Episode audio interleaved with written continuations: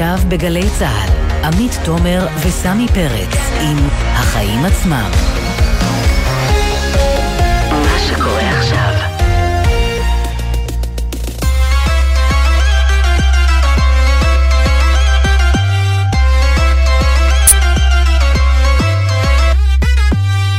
עכשיו שש וארבע דקות, אתם על החיים עצמם, התוכנית הכלכלית-חברתית של גלי צה"ל. אני עמית תומר, ואיתי באולפן נמצא סמי פרץ.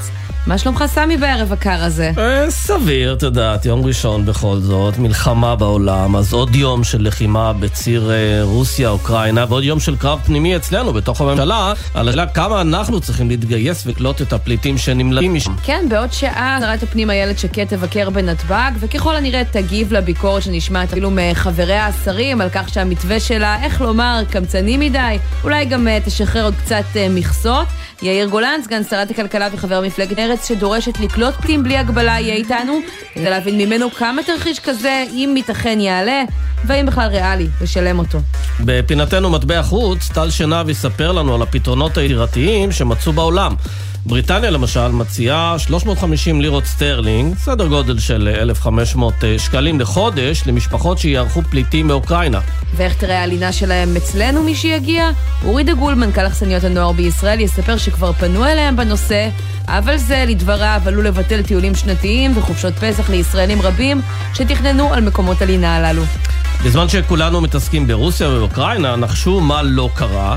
עבדה ששר האוצר ליברמן הבטיח להקים להפחתת הריכוזיות בשוק המזון, אז מתברר שהיא כבר לא תקום, למרות שהמתיחות הביטחונית, המלחמה באוקראינה, דווקא גורמת ליוקר המחיה להשתולל. דרור שטרום, לשעבר הממונה על ההגבלים העסקיים, יהיה איתנו בעניין הזה. ונהיה גם עם הסיפור של עסקים מוטי אברג'יל, שחשוד שעקץ משקיעי נדל"ן ולווים במיליונים. החקירה של הרשות לניירות ערך נגדו הופכת גלויה ממש ים ספורים, אחרי שהדר, סטודנט צעיר שהלווה לו כספים, תבע אותו על כך שהוא הפקיד בידיו מאות אלפי שקלים ואלו התפוגגו. ננסה להבין ממנו איך ההסתבכות החדשה צפויה להשפיע על הסיכויים שירד כספו. ומחר, חג פורים במערכת החינוך, יגיעו הילדים לגנים ולבתי הספר מחופשים ומצוידים במשלוחי מנות, אבל על רקע גל ההתייקר... ההתייקרויות במזון, ברבנות צוהר קוראים, תחגגו, אבל בזול, תסתפקו בפחות ממתקים. כן, גם יותר זול וגם יותר בריא, אז uh, תכף אנחנו נהיה עם כל זה, אבל קודם כל סמי. מה הכותרת שלך היום? אז שרת הפנים איילת שקד אמרה היום שתהיה עלייה נוספת במחירי הדירות בעקבות התייקרות חומרי הגלם, והיא אומרת, אין כרגע תוכנית שתמתן אותם. אה, אז אני אומר שני דברים לשרה. ראשית, תודה על הכנות. היא לא מוכרת סיפורים, היא לא מפזרת הבטחות, אומרת דברים כהווייתם. אבל שיט, אתה אומר, רגע אחד, שרה היא לא פרשנית כלכלית, או אנליסטית, או חזק של מחירי דירות, היא שרה בכירה במילה. באחריותה יש את גופי התכנון, תכנון הבנייה, כלומר האחריות שלה זה לספק uh, פתרונות. וכשהיא אומרת שתהיה עליית מחירים ושאין תוכנית שתמתן אותם, היא בעצם שולחת את הקונים לשוק, מגדילה את הביקושים, וכך תורמת לעליית מחירי הדירות. אז אני אומר, זו לא סתם כנות ואמירת אמת, אלא גם תדלוק של עליות המחירים, וזה ממש הדבר האחרון ששרת הפנים צריכה אז לעשות. אז זה המציאות המושג שיר לבן, לא? כן. יש אמת שפשוט לא נעים לשמוע. אפשר גם לא להגיד שהמחירים יעלו, אבל ברגע שאת אומרת שהם יעלו, כן. הם יעלו כנראה בשיעור אפילו יותר גבוה, כי את יוצרת ציפיות. איפה היא אומרת את זה? היא אומרת את זה בתדרוך לעיתונאים, שבו היא מודיעה בעצם על הדחייה של תמ"א 38 בשנה אה, כן. נוספת. הארכת התוכנית בשנה נוספת, כן. לפני שהיא מפרסמת את התוכנית החדשה שלה, שהיא נתקלת בהרבה מאוד קשיים. מה המחנה המשותף מבחינתי? היא מדברת על מה צריך לעשות, או על מה לא יקרה, במקום לדבר על מה יקרה ומה היא עושה. כן, אה, איך את בולמת את זה? התפקיד שלך לבלום, לא להגיד שזה ימשיך ויעלה. כן. אה, מה הכותרת שלך, עמית? אז uh, מעניין, אתה דיברת על הבעיה ואני הבאתי ככותרת שלי היום את מה שאמור להיות הפתרון. Uh, במשרד השיכון מודיעים היום שבעוד שבוע תצא לדרך ההגרלה של התוכנית החדשה של השר uh, זאב אלקין. דירה בהנחה, עשרת אלפים דירות במחיר מוזל, הנחה של כחצי מיליון שקל בממוצע ממחיר השוק לזוכים המאושרים uh, יוצאו, אבל הדירות בתוכנית החדשה הזאת לא ממש חדשות, הן דירות שחלקן אושרו בתוכנית ממשלתית בימיו של שר האוצר כחלון, מוביל מחיר למשתכן, והאמת סמי קצת קשה למצוא את ההבדלים בין שתי התוכניות האלה, כי בתיאוריה, אלקין בתוכנית שלו אמר, הפסיק להגריל באזורי יוקרה, הבנו שזה טעות, הרעיון זה לעודד הקמת יישובים חדשים בצפון ובדרום ולהתמקד בהכשרת אה, קרקעות שם, אבל במסגרת השאריות שנותרו אחרי כחלון בהגרלה הנוכחית, יהיה ניתן לזכות גם בדירות ביפו, אזור השרון, ראשון לציון ועוד. אז תגיד תגובת ביניים, אבל האמת שגם כשזה כבר לא יקרה, לא ממש הבנתי למה אלקין חושב שהוא יצליח עם התוכנית שלו איפה שכחלון אה, נשאר, אה, נכשל, כשהרעיון בעצם זה לסבסד אה, קרקעות באיזושהי רמה על חשבון המדינה. מה ההבדל היחיד שאני רואה ביניהם? ממש כמו שאמרת לגבי איילת שקד. אלקין מנמיך ציפיות, הציפיות של כחלון היו בשמיים, גם ממנו נזכיר, שמענו, אפילו כאן באולפן הזה, שהוא לא חושב שמחירי הדירות ירדו, מקסימום הן יפסיקו לעלות. כן. וזה מעגל קסמים, כמו שאמרת, שרק גורם לעוד ועוד אנשים לא להאמין לממשלה הזאת, לא לשבת על הגדר ולחכות, לקנות אם יש להם איך, כי מכאן המצב יכול רק להפוך ליותר גרוע, בטוח לא ישתפר. וזאת בסוף בעיית כן. הבעיות, ואין מספיק הגרלות שיכולות לפתור את הביקוש הזה. ואני שואל, אם כבר על הגרלות של שירות חברתי, קורת גג, דבר נורא נורא בסיסי, למה לא עושים הגרלות של אה, שיעורי העשרה במערכת החינוך, או הגרלה לבדיקת MRI מוקדמת, או תור אה, לאורתופד, הגרלה, מי יקבל את התור לאורתופד אני מחר? אני תוהה אם תלמידים היו זורמים על הרעיון של להשתתף בהגרלה כדי לקבל עוד אה, שיעור, שיעור העשרה במערכת החינוך. כן, מה שכן, זה די ברור שההגרלות האלה קצת יוצרות אה, ביקושים כבושים, כי הם גורמים לאנשים להגיד, טוב, אולי אני לא אקנה עכשיו, אני אשתתף בהגרלה, נראה מה יהיה, אני אחכה קצת, אשב על הגדר, אבל בסופו של דבר כשאתה מוציא, מוציא למכירה רק עשרת אלפים יחידות אה, דיור כאלה מוזלות, ברור שהביקושים האלה מתפרצים בשלב מסוים והופכים לעליות מחירים. זה מה שקרה אגב כשהסתיים כל פרויקט מחיר למשתכן. ראינו בשנה האחרונה עלייה של 11% במחירי הדירות. זה מה שקורה כשאתה מחזיק, מחזיק, מחזיק, מחזיק, ואז כן. משחרר. יהיה מעניין לראות איך יסתיים הסיבוב השני הזה. נקווה שזה תהיה בתוצאה שונה, למרות שאנחנו לא רואים לזה ממש אה, סימנים. כן. יאללה, נתחיל? קדימה.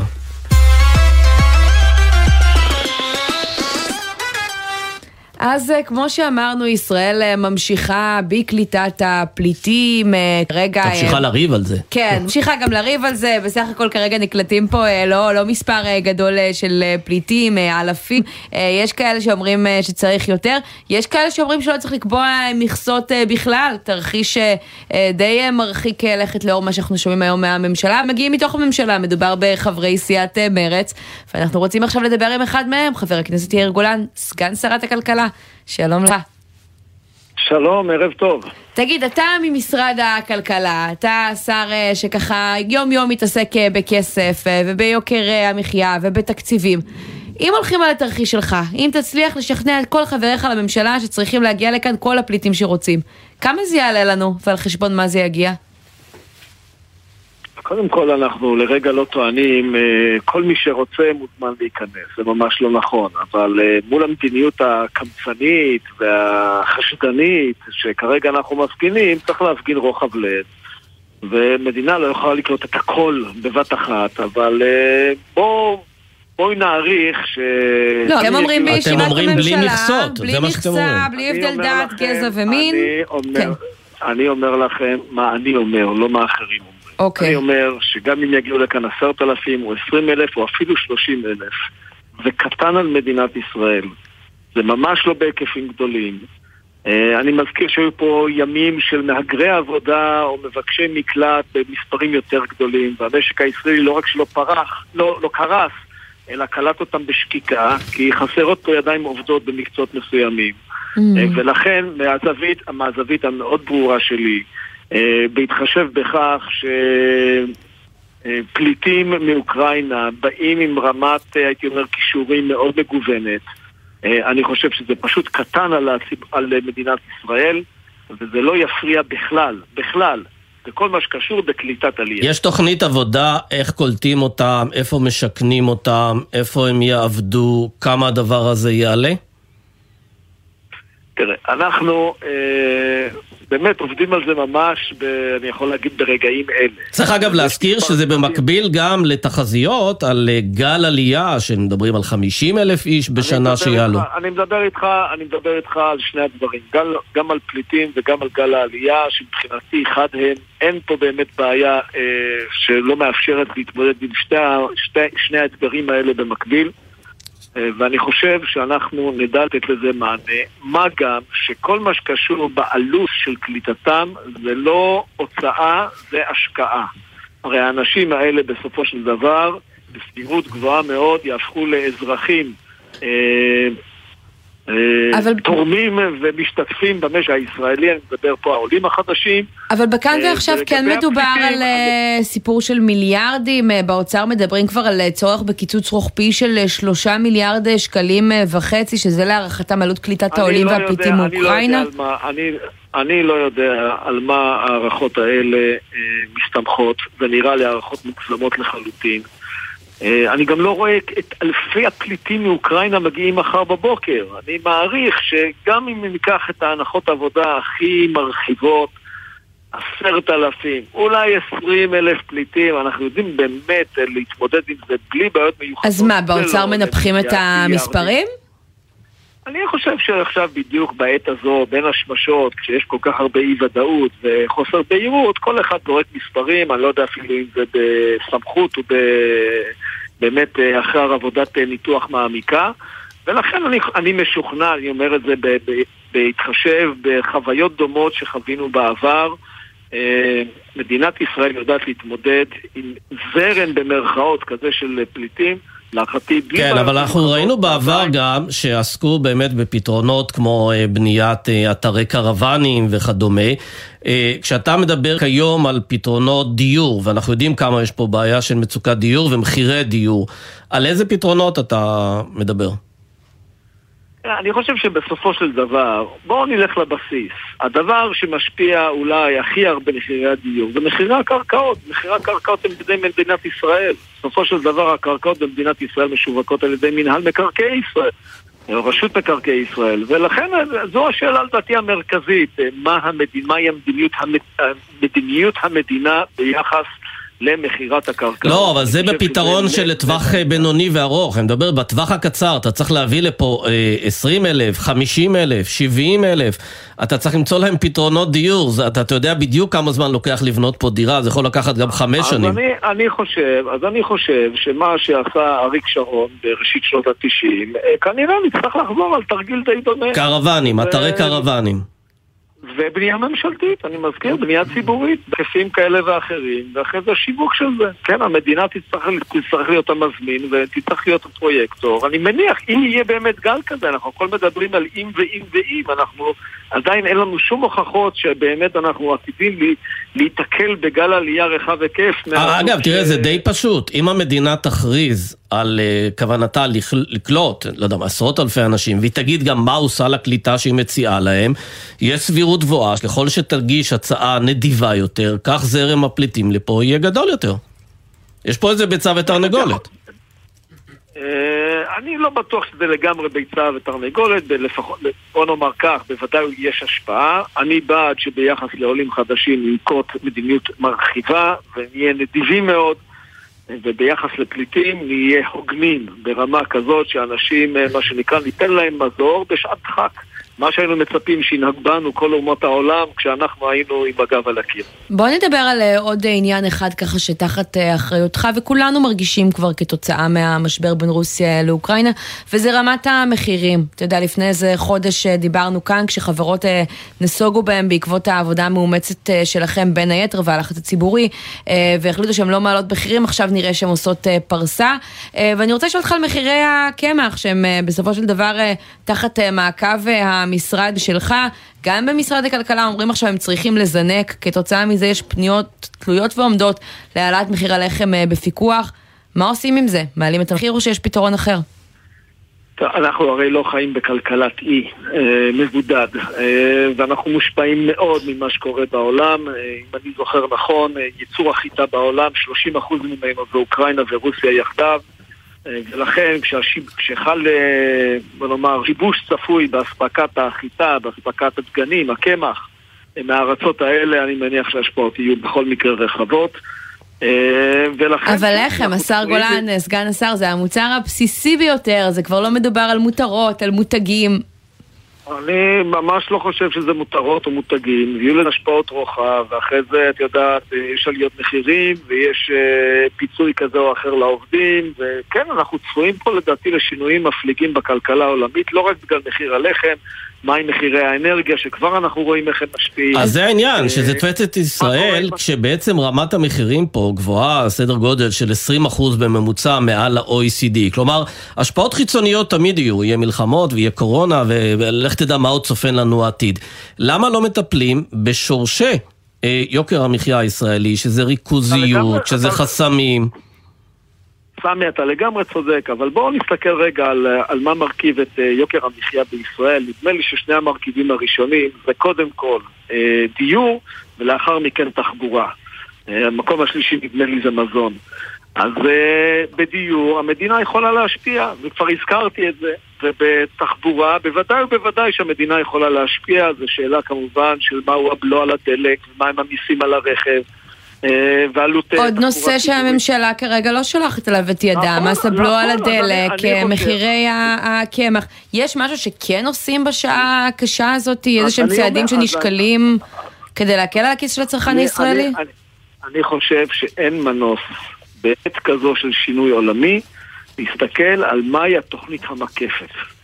לאו דווקא אה, לדבוק במה שהחלטנו עד עכשיו, יכול להיות שפשוט לא תהיה ברירה, אלא לשנות מדיניות בנושאים כאלה ואחרים, כמו מה? כי התנאים החיצוניים השתנו. כמו מה? ואני אומר, בראש הדברים, אם רוצים להשפיע באמת על יוקר המחיה, אה, צריך להימנע מ...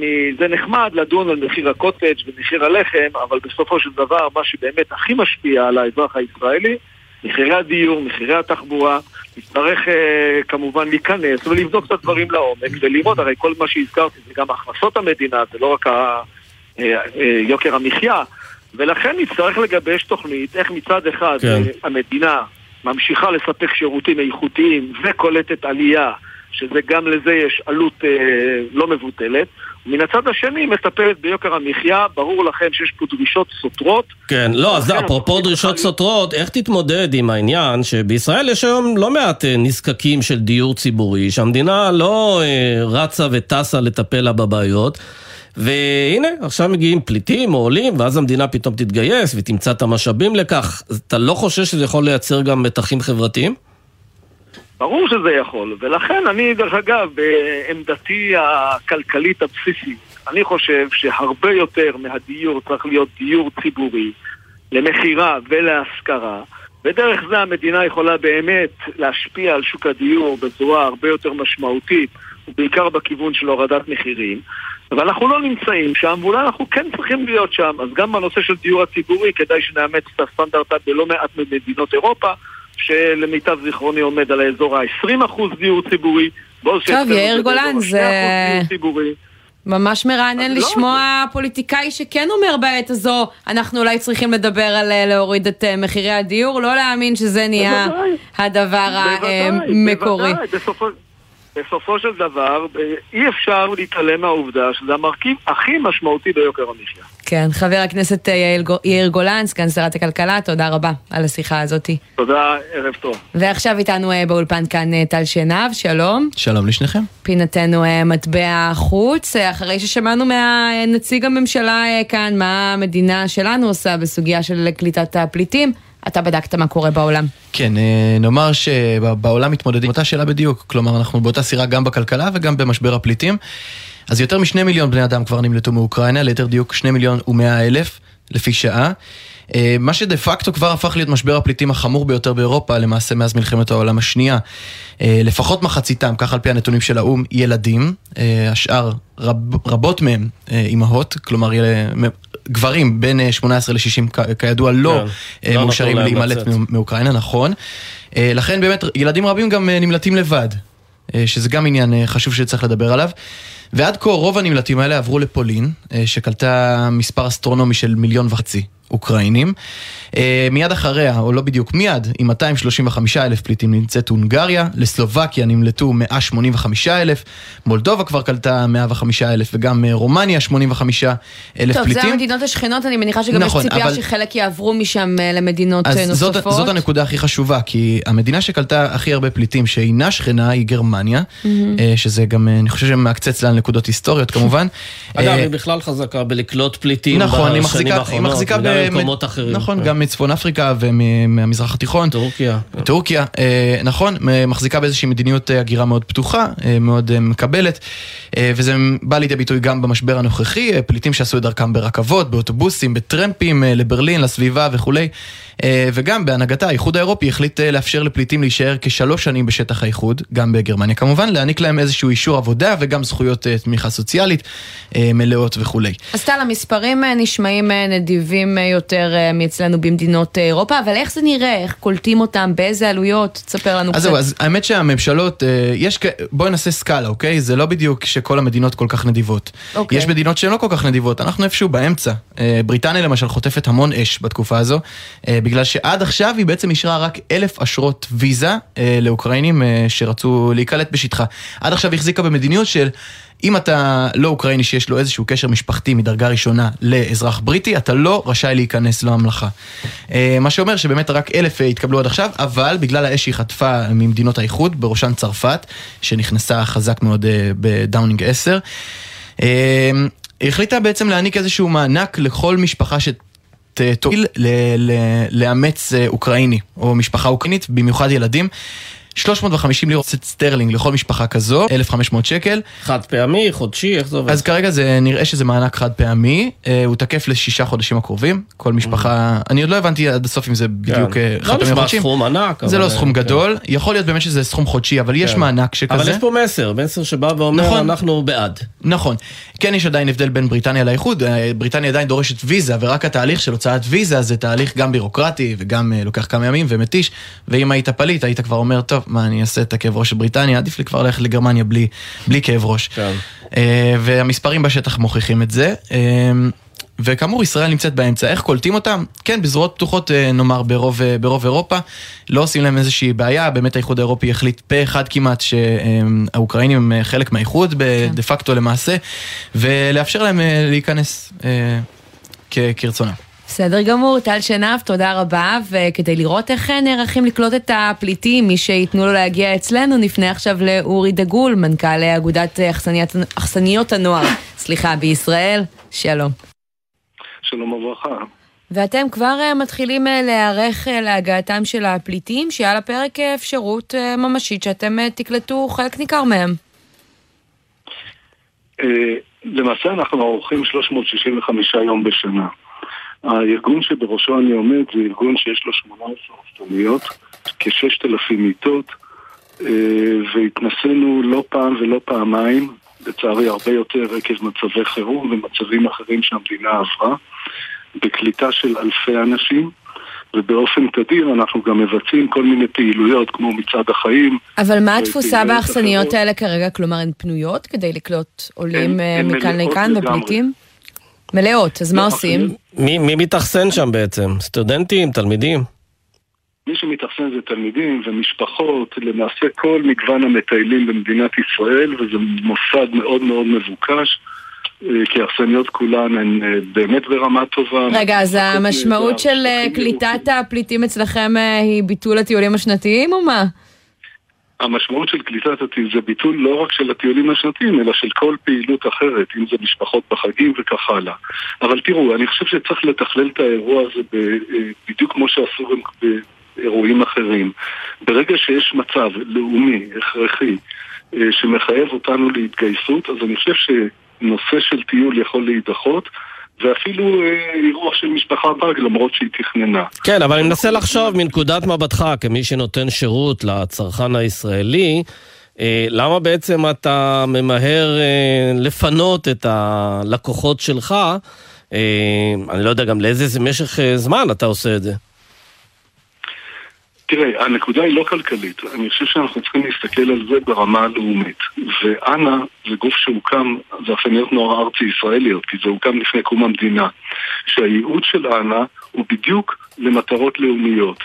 אם זה לשרת את מערכת החינוך, אם זה לתמוך בחינוך המשלים, אם זה לעמוד לרשות המדינה במצבי חירום, ואני חושב שמצב כזה, שיש גל של עלייה, סלאש, פליטים, צריך להעמיד את כל המשאבים שהמדינה יכולה כדי לתת מענה למקרה חירום ולא לטיולים.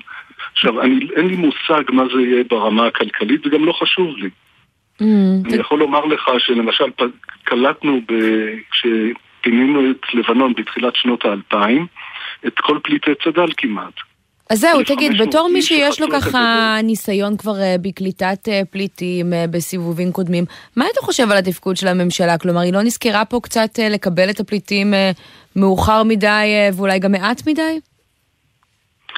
יכול להיות שמעט מדי, מאוחר מדי אני לא בטוח, כי אני חושב שאנחנו יכולים להיות ערוכים, אני חושב שהמדינה הזאת יודעת להתארגן מהר, וצריכה להיות החלטה.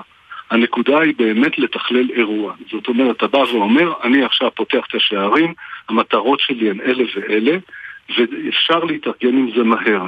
יש למדינה הסכמים עם, אה, אה, ודאי איתנו, ולמיטב ידיעתי גם עם מתקנים נוספים כמו בתי מלון וכולי, ואם היא מחליטה שהיא רוצה לעשות מעשה ולתפוס את המתקנים האלה, היא צריכה להכריז על פרויקט לאומי והיא יכולה לעשות את זה. בכמה, איזה השקעה שאמרתי... כרוכה בדבר הזה כדי להתאים את האכסניות למשפחות שיגיעו, לאנשים עם ילדים? אה, לא, לא בדיוק הקהל הרגיל שמגיע אליכם. אה, לא מדויק, זה לא הקהל הרגיל, אבל זה קהל בהחלט שכיח, ויש לנו מאות אלפי... אה, תראה, רק לסבר את האוזן, יש לנו כמיליון לינות בשנה. מתוך המיליון לינות, כ-350-400 אלף זה משפחות ומטיילים אחרים.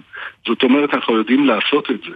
עכשיו, זה לא רק שיודעים לקלוט אותם ולתת להם את כל השירותים הלוגיסטיים, אלא אנחנו יודעים גם לתת להם את כל ההפעלות החינוכיות, ההפגתיות, אם זה ברמה של טיולים, אם זה ברמה של להעסיק את הילדים וככה. אבל אני עדיין מנסה להבין מה העלות התקציבית של אה, מהלך כזה מבחינתכם. אה, כמה עולה חודש כזה שבו אתם מאכלסים את כל האכסניות באמת בשבעת אלפים פליטים?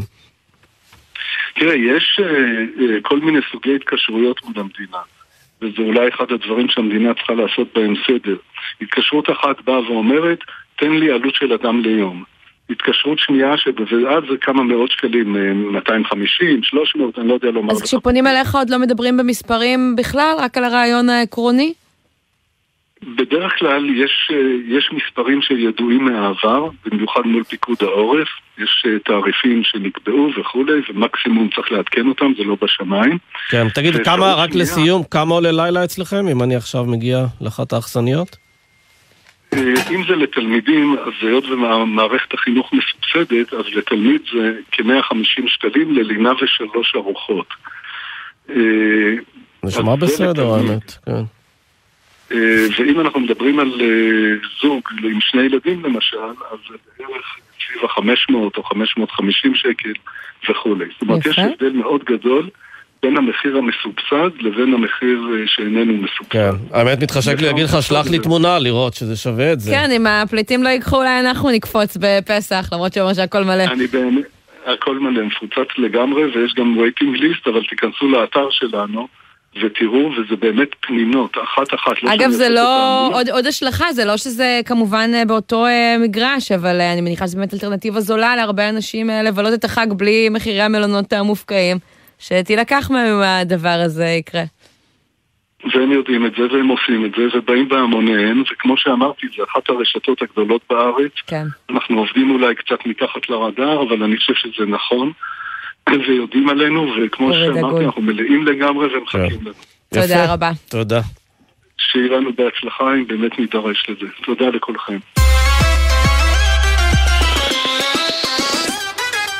עכשיו אנחנו נשארים במלחמה, אבל עוברים לפורטוגל. הקהילה היהודית המקומית סוערת ומאיימת שלא לסייע יותר בתהליך הוצאת אזרחות. הסיבה זה שרב הקהילה המקומית נעצר בחשד שסייע לאוליגרך רומן אברמוביץ' להשיג אזרחות פורטוגלית, והקהילה סוערת. כתבנו לענייני תפוצות, אביתר בר-און איתנו, שלום. שלום, סמי ועמית. אז מה? כן, אז אי אפשר לבקש יותר אה, אזרחות פורטוגלית? אז, אז נגיד שאפשר לבקש, אבל כנראה שתיתקלו אה, בקשיים. אה, אז באמת, כמו שאמרת, הקהילה היהודית החליטה ש... אה, הם לא עוזרים, לא מסייעים יותר למדינה אה, בלהנפיק אה, אזרחות למגורשי צאצאי אה, ספרד. שנייה, אנחנו נדבר עוד מעט על החוק, אבל נגיד על, על התהליך. בעצם, כל מי שחושב שיש לו איזשהו קשר היסטורי, משפחתי, אה, למגורשי ספרד, יכול להגיש בקשה אה, לאזרחות פורטוגלית, ואז בעצם הוא מגיש את הבקשה, ומי שבודק את, ה, אה, את אילן היוחסין שלו, אלה מומחים, אני אומר את זה מאוד בפשטנות, אבל מי שבודק את זה זה אילן, אה, זה אה, מומחים בקהילה. היהודית, ואז הם בעצם ממליצים לאשר או לא לממשל. כלומר, אם הם לא ימליצו, לא נקבל אזרחות.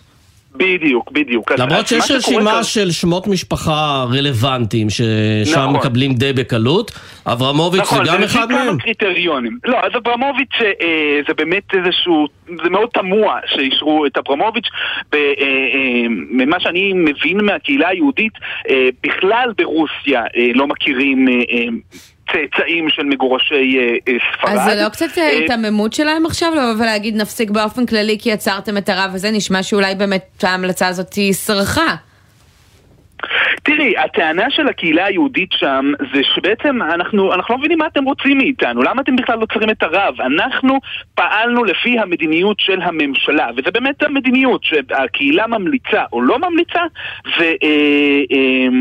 ובעצם אה, אה, הממשל שם מחליט. עכשיו זה באמת באמת תמוה איך אברמוביץ' הפך להיות מגורש אה, ספרד, וזה בעצם מה שהמשטרה שם החליטה לבדוק, נגיד רק שהחשד כלפי אותו רב, הרב אמ, הרב דניאל אה, ליטבק, אה, רק נגיד שזה אה, הלבנת הון, שחיתות, מרמה, דברים מאוד מאוד חמורים, ובעצם הוא כרגע לא יכול לצאת מספרד, מפורטוגל, סליחה, נלקח ממנו הדרכון, ובקהילה היהודית שוב אומרים, כי אנחנו לא מבינים מה אתם רוצים בכלל מהרב, אנחנו פעלנו כן. לפי, ה... לפי המדיניות שלכם. אוקיי, אביתר ברון, כתבנו לענייני תפוצות, תודה רבה. תודה רבה לכם.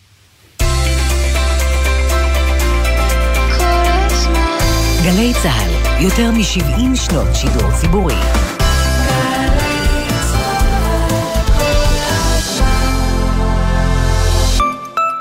עמיתי מועדון חבר, מותגי הרכב של לובינסקי, פז'ור, סיטרואן, אופל ו-MG בהטבות מיוחדות בשבילכם עד שמונה באפריל. לפרטים כוכבית 4989 או באתר מועדון חבר. חבר זה הכל בשבילך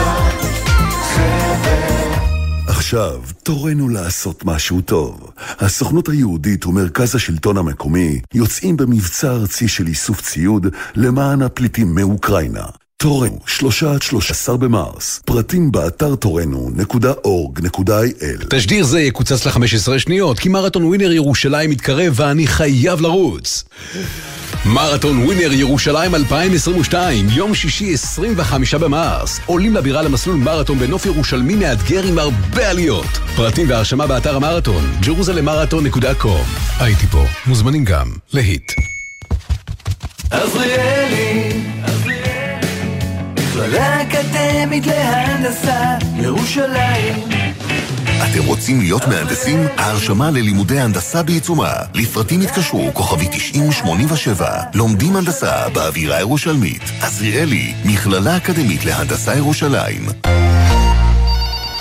עובדיה ספי? זה אני. שלום, מדברת נועה מגלי צה"ל. רציתי לאחל לך הצלחה בתוכנית החדשה. זה ממש מרגש לראות אותך פה שוב. תודה, תודה רבה. גם אני מאוד מתרגש. יופי, כי רשום לי פה שאתה חתום על כבל למיקרופון שלא החזרת, אז כשאתה מגיע בשישה במרס, אל תשכח להביא אותו חזרה. אחרת תעלה מט"ש. מה? משפט צבאי.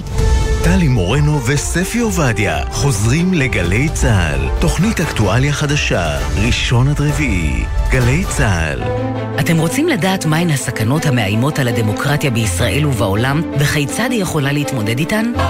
גלי צה"ל, הוצאת משרד הביטחון והוצאת מודן, בשיתוף המכון הישראלי לדמוקרטיה, גאים להשיק את הספר החדש בסדרת האוניברסיטה המשודרת. דמוקרטיה עכשיו, סוגיות ואתגרים במאה ה-21. ספר חדש בסדרת האוניברסיטה המשודרת, עכשיו בחנויות הספרים. עכשיו בגלי צה"ל, עמית תומר וסמי פרץ עם החיים עצמם. חזרנו ועכשיו אנחנו רוצים לצאת רגע מציר אה, רוסיה-אוקראינה ולדבר על מה שקורה כאן אצלנו ועל הכיס שלנו, על אה, יוקר המחיה, או יותר נכון על מה שלא קורה אצלנו. כי סמי, אתה אה, בעצם חושף הבוקר שההבטחה הגדולה שהייתה בתוכנית להורדת יוקר המחיה, להקים ועדה שתבחן את כל הנושא של הריכוזיות בשוק המזון, פשוט על המדף, וכנראה לא תקרה בגלל שכולנו עסוקים בעניינים הביטחוניים. בדיוק כך. מה שקרה זה שבסוף אותה מסיבת עיתונאים, בהשתתפות ליברמן ובנט ואורנה ברביבאי, אה, ליברמן הבין שהתוכנית שהוא מביא להורדת יוקר המחיה היא לא מספיקה, כי הוא קצת הוריד מיסים וקצת הוריד מכסים, אבל זה לא... פלסטרים. בדיוק, זה לא משנה את ה... לכן הוא אמר, אני גם, בסוף דבריו, הוא אמר, אני אקים ועדה לבדיקת הריכוזיות בשוק המזון, ובדרך כלל כשעושים ועדה כזאת, אז לוקחים הרבה מאוד מומחים, והם חוקרים לשורשי העניין, ומביאים, ומביאים דוחות, וכולם עולים אליהם לרגל, ומתחילים לדבר, Mm. ואחרי שהוא הבטיח את ההבטחה הזו, מסתבר שלא הקימו ועדה, אלא בסך הכל מה שקרה זה שמנכ"ל משרד האוצר, רם בלניקוב, התבקש להגיש אה, המלצות להורדת הריכוזיות בשוק המזון, על סמך אה, כמה פגישות שהוא עושה עם אנשי משרד האוצר. אולי גם עם רשות התחרות, כמה מומחים חיצוניים, אבל מה שנקרא לא באמת עבודה קלאסית של ועדה שרוצה לשנות את המציאות. אומרים לי במשרד האוצר, קטן, כן. יכול להיות שזה קשור, רצו לצאת עם ועדה באמת אה, נשכנית כזו ורצינית, ברגע שהגיע המשבר הזה ברוסיה-אוקראינה, כל תשומת הלב התקשורתית הוסטה לשם, ואז אמרו, טוב, אז אולי לא ועדה, בוא נעשה איזה צוות ככה זריז כזה, שיפרסם את ההמלצות שלו. טוב, אבל זה אבל זו אבסורד. טעות, בדיוק, זה אבסורד, כי אתה אומר לעצמך, דווקא המצב בין רוסיה לאוקראינה מעלה את יוקר המחיה. זה הזמן לבוא ולטפל בהורדת יוקר המחיה. הוא עוד לא פרסם את ההמלצות שלו, אה, בלניקוב. נקווה שכשהוא יפרסם אותם בקרוב, בשבוע, שבועיים הקרובים, יהיה בהם קצת בשר, אה, או הרבה בשר. אה, ואת יודעת מה, בוא נדבר עם מישהו שכבר ישב בכמה ועדות כאלה, דרור לחם שטרום. בריכוזיות. כן, לחם. דרור שטרום, לשעבר הממונה על ההגבלים העסקיים. שלום דרור. שלום, ערב טוב. אז תראה, אנחנו מכירים כל מיני ועדות מהעבר, ועדת בכר, ועדת, אה, ועדת שטרום, כאלה שכשהם החליטו שיש בעיה של ריכוזיות, הם באו וגרמו לבנקים להיפרד מחלק מההחזקות שלהם בקופות גמל, בקרנות נאמנות, בחברות כרטיסי אשראי. למה שלא יעשו משהו נשכני שיגרום לכך שחלק מחברות המזון הגדולות, תנובה ושטראוס והחברה המרכזית, ייפרדו מחלק מההחזקות שלהם, וכך תפחת הריכוזיות, ואולי ירד גם יוקר המחיה. אז אה, בואו נראה רגע אחד, אני חושב שאולי כדאי קצת לעשות סדר, כי אה, לפי מה שלי היה נראה כשראיתי את שר האוצר, נדמה היה לי שהוא מתכוון לצעדים שיוכלו להיכנס לחוק ההסדרים הקרוב. אה, והצעדים האלה כמובן הם חייבים להיות צעדים זריזים שלא יכולים להמתין שנה לוועדה ואם זאת הייתה הכוונה, ואני רוצה להאמין שזאת הייתה הכוונה, אז מאוד יכול להיות שיש כיוון אחד שעוד לא דיברתם עליו, והוא הכיוון שנוגע למה שאנחנו קוראים בשפה המצוחצחת שלנו מיזוגים קונגלומרטיים, או במילים פשוטות, כן. מיזוגים שיצרו את אותן ענקיות מזון שיש לנו בשוק המזון, שיש להם החזקות מרובות בשווקים שונים. הדבר הזה כן יכול להיפתר אה, במהרה. ואני חושב ש... אבל אה, איך? מנכ"ל באמצעות אה, אה, הוראה, הנחיה, חוק שמחייב למשל את תנובה להיפרד מאחת מהחברות הבנות שלה? למשל, זאת דרך אחת. דרך שנייה היא לשנות את משטר הפיקוח על מיזוגים, כי כידוע, אחד הדברים שהבנו במהלך השנים האחרונות זה שאישורי המיזוגים שניתנו בסיטונות במשך הרבה שנים לתנובה, לשטראוס, אה, לאוסם וכדומה, יצרו בעצם מצב שקל מאוד, או אפילו המצב הוא גורם לזה ש... העלאות מחירים תקרנה כל הזמן, one way ticket להעלאת מחירים, ואני חושב שזאת המשימה העיקרית שבה צריך להתרכז. אני חייב להוסיף עוד משהו מהיכרותי עם אה, רמי בלינקוב. הוא אדם רציני, אני לא חושב שאפשר לחשוב שהוא יטאטא את הדברים מתחת לשטיח. אני חושב שהכוונה העיקרית הייתה לעשות צעד מהיר, ואת זה כן אפשר לעשות. אז מהיכרותך עם מנכ"ל משרד האוצר, מה הסיכוי שהוא יעשה, יוציא לפועל את המהלך שזה אתה דיברת עליו, יבטל מיזוגים שכבר קיימים בחברות הגדולות ביותר במשק? לא, אני חושב שצריך לעשות הבחנה בין שני דברים עיקריים. לבטל מיזוגים שאושרו כבר זה תהליך מסובך, גם מהבחינה המשפטית זה דבר שאיננו פשוט. הכוונה היא לשנות את משטר המיזוגים מכאן ואילך. אבל דרור, זה השאלה כמו אם צריך שאומרים ועדה. בשביל זה, יש רשות תחרות, היא יכולה להחליט שהיא לא מאשרת מיזוגים, למה צריך בשביל זה ועדה או צוות? אז זה לא כל כך פשוט, כי מי שבקיא בסמטאות של דיני התחרות יודע שהנטייה עד היום של כל רשויות התחרות בעולם הייתה להתייחס באופן מאוד מקל למיזוגים שבהם רוכשת חברה אחת חברה אחרת שלא פועלת בשוק שלה. אם אני למשל בשוק החלב ואני רוכש עכשיו שימורי אה, זיתים, הכוונה עד, עד עכשיו הייתה להתייחס לזה בקלות, ואני חושב שהכוונה פה היא להתייחס לזה בצורה יותר מחמירה. אגב, גם רשות התחרות פרסמה משהו בעניין רגע, הזה. רגע, אבל אתה אומר, זה נכון, היא לאחרונה גם אה, פסלה מיזוג אה, של, נכון. של שטראוס באופן די חריג, אבל אתה בעצם אומר, אנחנו לא נעשה את זה רטרואקטיבית, אנחנו נעשה את זה מכאן ואילך, וזה קצת נשמע לי כמו להגיד, לא נוריד את מחירי הדיור, אלא נדאג שהם לא יעלו יותר. כלומר, יוקר המחיה אולי לא יעלה יותר, לא תהיה כאן עוד הידרדרות, אבל זה לא ממש יוריד אותה אם כל הכוחות שתמצאו כבעייתיים ימשיכו לפעול נכון, כמו שהם. נכון, כאן, כאן אני מסכים לגמרי עם זה שצעד מהיר כזה, שלא יחכה אומנם לוועדה וגם יוכל להתבצע במהירות יחסית ועם הפנים קדימה, לא יוכל לפתור את הבעיה מיסודה, כי הרי הבעיה עצמה היא שכבר כיום אנחנו חנוקים עם כמה ענקיות מזון שלא משאירות מקום על המדפים למתחרים צעירים ועצמאיים. אז מה עושים? וזה לב הבעיה. הבעיה היא שבאמת צוות כזה בראשותו של מנכ"ל האוצר לא יוכל לפרק את המונופולים הקיימים. אני לא מצליח להבין למה. דרור, אתה עמדת בראש ועדה שהלכה נגד שני הבנקים הגדולים, הורתה להם להיפרד מחברות כרטיסי האשראי שלהם, ואנחנו יודעים באיזה לחצים זה היה כרוך, כולל אגב של בנק ישראל שלא אהב את זה. למה נכון. חברות המזון כאלה מפחידות? הרי הבנקים הגדולים והעוצמתיים לא הפחידו, אז למה חברות המזון מפחידות?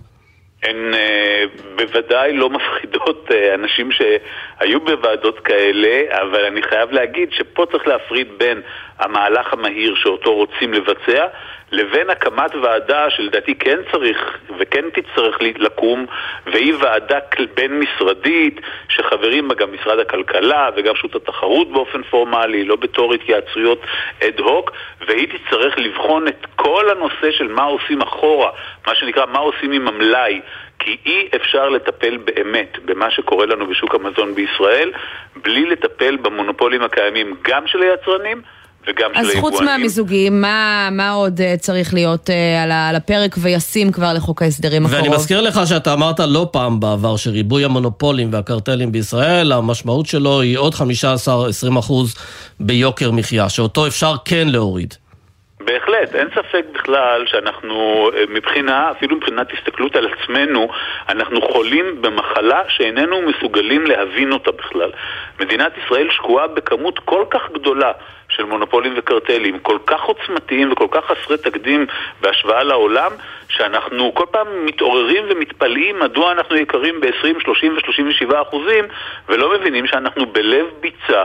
של אה, מונופולים, ולכן באמת הטיפול הזה הוא חייב להיות, הוא חייב להיות גם במיזוגים, ועמית הוא חייב להיות גם בביטול הבלעדיות של יבואנים של מותגים גדולים. כל מותג שנתח השוק שלו הוא מעל 25 או 30 אחוז, דהיינו מותגים בולטים במיוחד, שעם ישראל רגיל לקנות... כנראה שהיבואנים הגדולים פשוט... מי טרק לו ומי ניתק לו. כן, לא, לא יכלו לעמוד בפרץ הדבר הזה, שאגב ליברמן היה אומר בתגובה לדברים האלה של שטרום, שיש רפורמה ביבוא והתייצאה לדרך בחודש יוני, והנה היא אמורה להכניס עוד תחרות, גם שחקנים חדשים, גם יבוא מקביל. השאלה האם זה מספיק, נראה תכף אם נצליח כן. לשאול את זה. במקום לנתק את... מחברות המזון הגדולות חלק מהפעילויות שלהם ולהגביר תחרות, ניתקו את דרור שטרום מאיתנו. כן. אז אני לא יודע מה...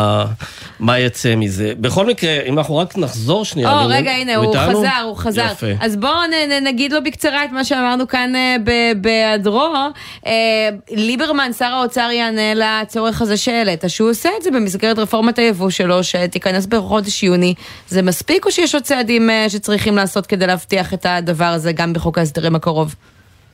תראו, רפורמת היבוא, בכל הכבוד לה, היא לא תגרום לכך שמונופולי היבוא, במיוחד השניים הגדולים הקיימים, יאבדו מכוחם. היא תגרום לכך שבזחילות שיימשכו שנים מרובות, אולי אולי נצליח לראות כאן מכולה פה, מכולה שם, כניסות של יבואנים קטנים מאוד. אז לסיום לא תספר לנו איך אפשר מיידי. לקצר את התהליך הזה. אפשר לקצר את התהליך הזה רק על ידי לשים קץ לבלעדיות של מונופולי היבוא בשרשרת של מותגי ענק. שמהווים כאן מחזורי מכירות עצומים. ויותר חשוב מזה גם לאכוף את זה, כי אנחנו יודעים שהם יודעים לשים רגליים למתחרים החדשים, לכל היבואנים המקבילים למיניהם. בדיוק כך, תמיד, וזה, וזה עוד סיבה מדוע רשות התחרות חייבת להיות לינקט ומובנית בתוך הוועדה הזאת, כי היא זו שתצטרך לאכוף את הכללים כן, האלה. וזה לא קרה, אבל כך אנחנו מצרים. דרור שטרום, תודה רבה. ערב טוב. ועכשיו... ועכשיו אנחנו uh, עוברים לסיפור uh, אחר, איש הנדל"ן, uh, מוטי אברג'יל, בעצם נעצר בשבוע שעבר, פתחו בחקירה נגדו ברשות לניירות ערך, בחשד שהוא הונה כמאה משקיעים, משקיעי נדל"ן ולווים, באמת במיליונים, ואנחנו רוצים להיות עם אחד כזה, אדר. שטבע את מוטי אברג'יל ממש לפני שהפרשה הזאת מתפוצצת, ועם עורך נו, רועי סלוקי, שמייצג אותו. שלום לשניכם. שלום, ערב טוב. אז אדר, בוא נתחיל איתך, תספר לנו איך ככה הצטלבו הדרכים שלך ושל מוטי אברג'יל. טוב, באזור חודש מאי, אני עוד הייתי איש קבע בצה"ל, הכרתי מישהו בבסיס, היינו תקופה ביחד והוא בעצם הכיר לי את החברה והפנה אותי. חברת הנדל"ן. חברת יעדים נדל"ן. חברת יעדים נדל"ן. חברת יעדים נדל"ן. ואתה בעצם לא קונה שם דירה? אתה נותן להם כסף לא כהשקעה? בדיוק. אני נותן להם איזושהי... זה לא נותן להם כסף כהשקעה, נותן להם הלוואה. גם ב... ב... בהסכם בינינו, בחוזה בעצם שנחתם, הדבר הוגדר כהלוואה עם ריבית מסוימת. איזה ריבית? הייתה... 18 אחוזים. תלוי כן. בסכום בגדול שנכתב. וזה לא נשמע לך חשוד כבר אז? כי היום לא משלמים ריביות כאלה של 18 אחוזים. נכון, נשמע לי חשוד, אבל אני נכנסתי לאינטרנט וקראתי וחיפשתי על החברה. אה, מנכ"ל החברה מתראיין בהמון תוכניות והיו עליו מספר כתבות גדולות בגלובס לגבי עסקים בעשרות מיליונים על מגרשים אה, והפכו אותו לאיזה איש נדל"ן מה... מאוד נחשב בארץ. אז אתה מחליט להשקיע קרוב ל-400 אלף שקלים. מתי ככה החששות שלך מתעוררים שוב ואתה מבין שכסף לא תראה מזה? נכון. בחודש דצמבר התחיל איזשהו איחור בתשלומים, בתשלום של אותו חודש. ואז התחלתי לדבר עם החברה בעצם, עם מוטי, ונתנו לי כל מיני תירוצים ללמה הכסף לא עבר, ואחרי שבוע באמת הכסף הוא עבר. בחודש ינואר, כבר כשזה קרה פעם שנייה, בעצם על פי החוזה הייתה הפרה של החוזה, ואני העברתי מכתב עם דרישה לפירעון של שארית ההלוואה. שום דבר לא עוזר? ל... זהו, משם כבר נכנסנו לסאגה של תירוצים ומשיכות זמן, אז מה, בעצם לא קיבלת אפילו שקל מהכספים שהלווית לו? קיבלתי, קיבלתי סדר גודל של 60 או 70 אלף שקלים. וזה מה שקיבלתי מהסכום. עשרות אחוזים בודדים. כלומר, הפסד של 85 אחוז, שלא לדבר על הריבית שהובטחה ושלא קיבלת. ואתה פונה לבית המשפט, ואתה זוכה בימים האחרונים. קודם כל, כמה נפסק לטובתך? לא, לא הייתה פסיקה לגבי המשפט עצמו. כרגע מה שאנחנו קיבלנו זה איזה שהם צווים של עיקולים כנגד החברה וכנגד מוטי.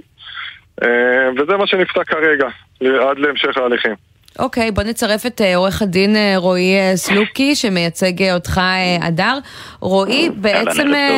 ערב טוב. כם, איך ההסתבכות הזאת, בעצם זה שיש נגדו חקירה, יכול להשפיע על קבלת ההחזר הכספי?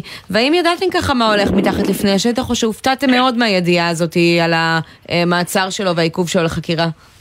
האמת היא שלא מאוד הופתענו, לא ידענו על זה, אבל כבר כשהתחלנו לבדוק את הפעילות של החברה הזאת, מהמעט שהדר ידע לספר וממה שראינו קצת מסביב בתקשורת, באינטרנט, הייתה תחושה שיש פה שילוב של, גם של פעילות שהיא בספק חוקית לפי חוק ניירות ערך, במה שיעדים קוראים לה מסלול נדל"ן, וכנראה שהרשות לא במקרה בזמן האחרון הוציאה פרסומים ואזהרות בדיוק mm. uh, שמדברות על uh, נושאים כאלה. אנחנו גם בפנייה לבית המשפט ציינו את זה, אני חושב שזה היה אז יש חשש שהוא יגיע עכשיו למעין פשיטת רגל והכסף לא יוחזר לידר? זהו, השאלה, יש שם נכסים בעצם? הצלחתם לשים את היד על נכסים של החברה? עד כה נראה שלא, רוב הסיכויים שכבר אה, גם אה, מאז למדנו שהחברה הזאת ואברג'ל בעצמו מתנהלים מחוץ למערכת הבנקאית ואת רוב הכספים והצ'קים של כביכול המשקיעים שלהם ואני אומר כביכול כי זה לא נשמע לי שמישהו השקיע פה במשהו אה, נתנו הלוואות כן. וכולי. וכולם נפגעו באותה דרך שהבטיחו להם תשואות מאוד מאוד גבוהות? אה, חלקם, חלקם בדרך הזאת, הצ'קים שלהם הגיעו לחברות אה, מחוץ למערכת הבנקאית ושם כנראה גם גזרו עליהם עוד קופונים, לא בצורה ישירה כמובן, אלא דרך יעדים ומוטי אברג'ייל, אבל על פניו נראה שהעסק הזה מתנהל לפחות מזה כבר חודשים כן. ארוכים. כסוג של פירמידה או הונאת פונזי. אז אדר, לסיום, אתה חייל טרי, משוחרר, סטודנט, מה ההשפעה שלך, שלך של אובדן החסכונות האלה? אה, זה הכסף שהיה צריך לממן אותי בסופו של דבר בתקופת הלימודים ובשנתיים הקרובות למחיה. ועכשיו צריך לחשב מסלול מחדש ולראות איך אנחנו מתמודדים עם התקופה הקרובה. כן, כן. ורק נסכם את זה בזה שכשסיכון שווה סיכוי, וכשמישהו מציע לך כזה סיכוי, הסיכון הוא מאוד גדול. אז זה שיעור כן. שקיבלת גם, לא? אה, חד משמעית קיבלתי. אני חושב שיש פה אבל... אה, שיש פה איזושהי אחריות גם שלפני שמפרסמים אדם כזה צריך לקחת, אה, לחקור עליו. ברור, לא תמיד אפשר לדעת בזמן אמת, אבל ברור. אה, אנחנו חייבים לסיים. הדר עורך הדין רועי סלוקי, תודה לשניכם, ורק נגיד שפנינו לאברג'יל בבקשה לתגובה, בינתיים לא קיבלנו מענה. תודה לכם. אנחנו בערבון מוגבל כל תגובה שלו מלכתחילה.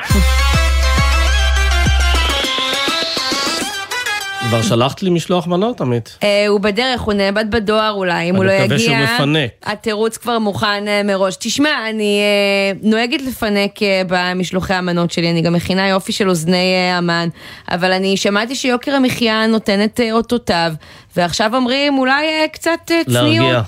כן. שתוציאו אה, פחות, תיתנו קצת פחות, לא יקרה כלום, אפשר עדיין לחגוג את החג, ואת זה אומר הרב דוד סתיו, יושב ראש ארגון רבני צוהר, שלום.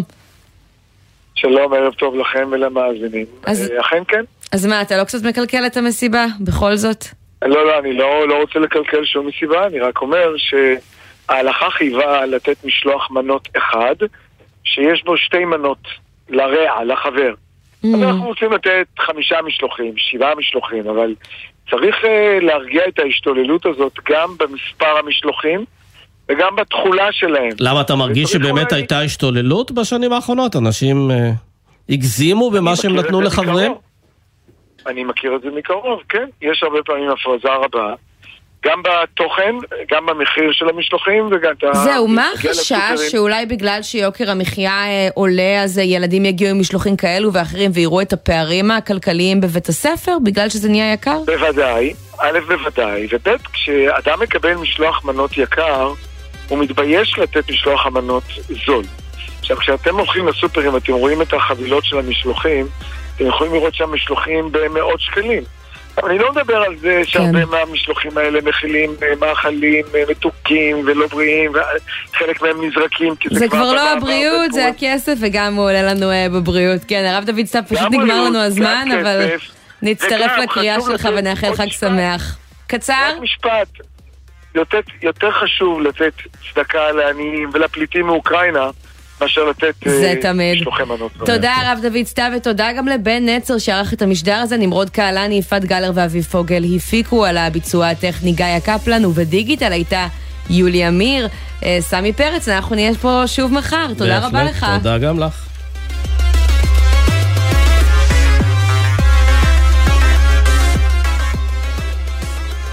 בחסות מחסני חשמל, המעניקה על כל קנייה, התקנה והגדלות חינם של מחשבים, קונסולות משחק וטלפונים ניידים. במחסני חשמל. בחסות הפניקס סמארט, המעניקה עד 45% הנחה בביטוח המקיף. כוכבית 5, 4, 3, 2. וחפשו הפניקס סמארט בגוגל. כפוף לתקנון המבצע, הפניקס חברה לביטוח בע"מ. בחסות חברת לינת פורן, המציעה סיוע של צוות רופאים ומומחים, גם בתהליך קבלת פטור ממס הכנסה. כוכבית 2468.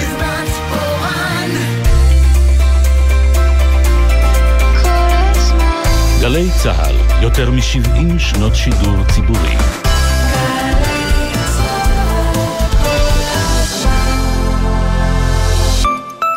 מלאו לך 62? מזל טוב! בעקבות העלאת גיל הפרישה לנשים, הביטוח הלאומי משלם מענק מעבר בסכום עד 4,000 שקלים לנשים בנות 62 בהתאם לתנאי הזכאות. המענק ישולם לתקופה של ארבעה חודשים לכל היותר, מהחודש שבו מלאו לך 62.